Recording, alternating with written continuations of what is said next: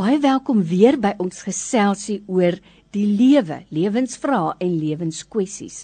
Ek nooi 'n kenner om met ons saam te gesels. Dis Dr. François Swart, pastorale en kliniese terapeut. Ons pak sommer allerlei lewensprobleme aan en ek hoop regtig dat ons vir jou kan help om by 'n punt te kom waar jy sê ek kies lewe. Dr. François vir jou tyd vandag weer baie dankie. Ons waardeer dit. Dankie Lorraine en kom ons kies die lewe vandag. Ah, net so.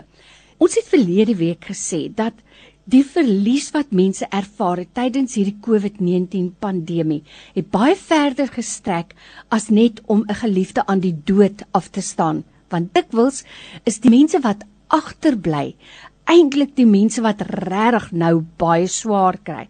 Daar's 'n verlies aan inkomste. Daar is 'n verlies aan onderrig. Dink net aan kinders wat vir lang tyd nie kon skool gaan nie.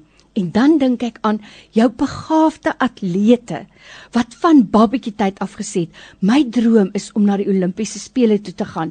En skielik in hulle hoërskoolloopbaan waar hulle geslyp moet word, is daar vir 2 jaar feitelik geen sport nie. Daai droom is by die agterdeur uit.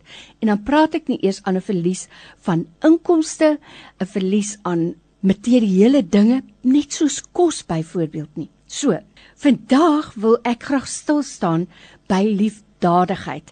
Ken mos die Engelse uitdrukking wat sê charity begins at home. Mooi, goed en wel. Maar ek dink baie mense dink dit beteken ek net aan my eie huis mense liefdadigheid betoon en hulle besef nie dit beteken at home hier om jou die mense naaste aan jou. So om liefdadigheid te doen of om betrokke te raak om te gee gaan dit altyd van my iets kos finansiëel of aan goed? Nee, ek dink nie noodwendig so nie. Ek wil begin. Persoonlik vir my, uh, Lorraine, een van die aangrypendste gedeelte in die woord is waar Jesus daar in Jerusalem by die tempel sit en hulle kyk hoe die ouens instap by die deur van die tempel en dan kom daar 'n weduwee verby. En die oomblik as jy weduwee hoor, is daar deernis, mm. dis 'n enkel vrou, sy sukkel, en so aan. En dan kyk hulle wat die mense ingooi.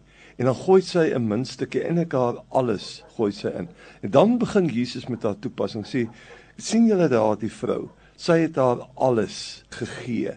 Met ander woorde dit dit gaan oor 'n bepaalde gesindheid. Om nader te kom aan jou vraag, moet dit altyd geld wees? Moet dit net charity wees at home? Ek dink ons moet daaroor praat.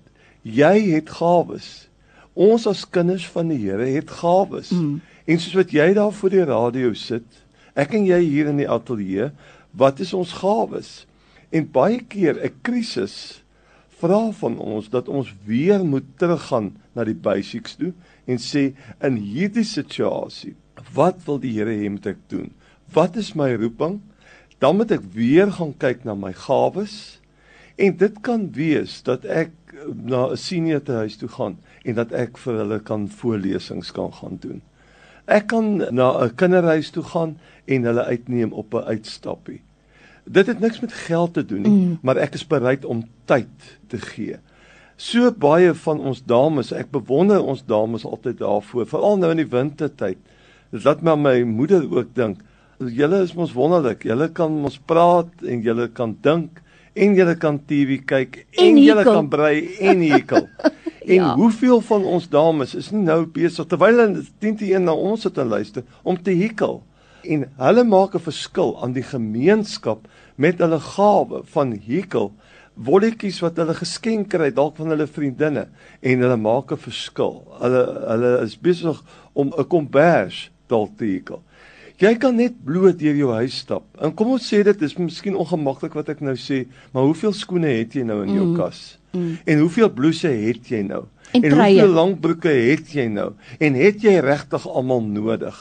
Is dit nie tyd dat jy dalk bietjie jou jou klerekas en alles wat jy het bietjie minder maak, die res in swart sakke sit en begin na jou gemeente toe beweeg, na mense toe wat jy weet nie geld het nie en vir hulle hierdie goedes uitdeel nie. Ek dink daar's baie meer wat jy kan doen as bloot net om geld in 'n bordjie te gee. Trouwens, Jesus verkies eintlik. Hy soek nie ons geld nie. Telkens in die Ou Testament, ek soek eintlik nie julle offerhandes nie. Ek soek vir julle. Ek soek julle harte. Ek soek julle gesindheid. Ek soek julle siele. Ek soek julle liefde vir my Vader se saak, die koninkryk. Ons is nou in koninkrykstyd en is nou die tyd dat ons vir mekaar moet wees in terme van tyd om te luister vir mekaar en om liefde uit te straal.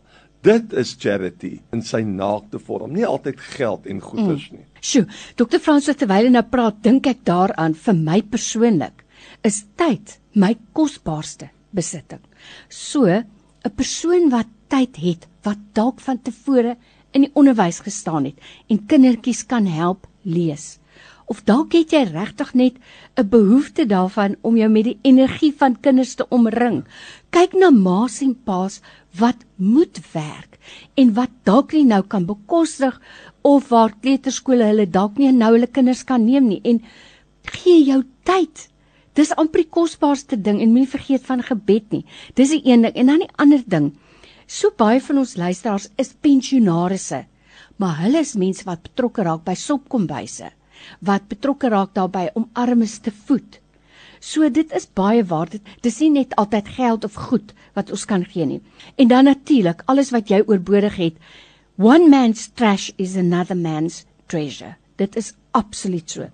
Dr. Fransa gepraat nou van charity begins at home, liefdadigheid wat ons moet uitdeel is dit vir my regtig nou baie belangrik om miskien ook stil te staan by binne in die huisgesin tyd van ma en pa. Is dit nie dalk nou ook tyd dat ons net weer daai liefde wat ons so graag vir ons kollegas uitdeel en met hulle so nice en vriendelik is dat ons van daai energie huis toe bring nie. Dis 'n belangrike vraag want uh, ons het nou gesê van charity begins at home. Maar kom ons praat oor die huis situasie. In familieterapie, almal wat werk met mense en hulle hartseer en wat 'n belangstel het in het in menslike gedrag en die kwaliteit van lewe. As ons kom by familieterapie, is een van die baie belangrike wenke van die kennis wat ons kry rondom familie situasies. Daar moet 'n huisvergadering wees mm -hmm. elke tweede week. Mm -hmm. En uh, dit is goed om die kinders dat hulle die agenda hou, maar dit is 'n tyd waar elkeen kan vertel hoe beleef hulle die huishouding. Dis 'n tyd vir mamma om te sê, kinders, mamma kom nie by alles uit nie. Pappa gaan deur 'n moeilike tyd. Mm. Uh, of Sunny, weet ons kry swaar. Wat kan ons binne die huis doen om dit nou vir haar makliker te maak? Want oor 'n maand of 2 is dit 'n ander gesinslid mm. wat dan weer moet steun. Maar die belangrike ding van die huisvergadering is dat ons by goeders prakties uitkom en 'n geleentheid het om daaroor te praat en saam planne te bedink. Hoe kan ons dinge beter orden in die huis sodat almal saam dra aan die vrag en nie net mamma of pappa of een van die kinders nie. Sjoe. Dokter Fransoa, elke week moet ek sê ek staan weer verstom want ons kry soveel wenke en praktiese raad. Dis waarvan ek hou. En ek wil net vir jou as luisteraar sê, regtig ek waardeer die feit dat Dokter Fransoa Swart sy kundigheid en sy tyd afstaan. Dit is charity vir ons. Baie dankie daarvoor. Tyd wat ons nooit weer vir jou kan teruggee nie om vir ons luisteraars te help op die lewenspad. So daarvoor sê ons regtig baie dankie. Baie dankie Lorraine, dis 'n voorreg om deel van hierdie projek te wees. En as jy 'n vraag het, SMS dit vir my of stuur 'n WhatsApp. En met tyd sal ons ook daarby uitkom. Begin met die woorde: Kies lewe. Ek groet jou tot volgende week. Totsiens.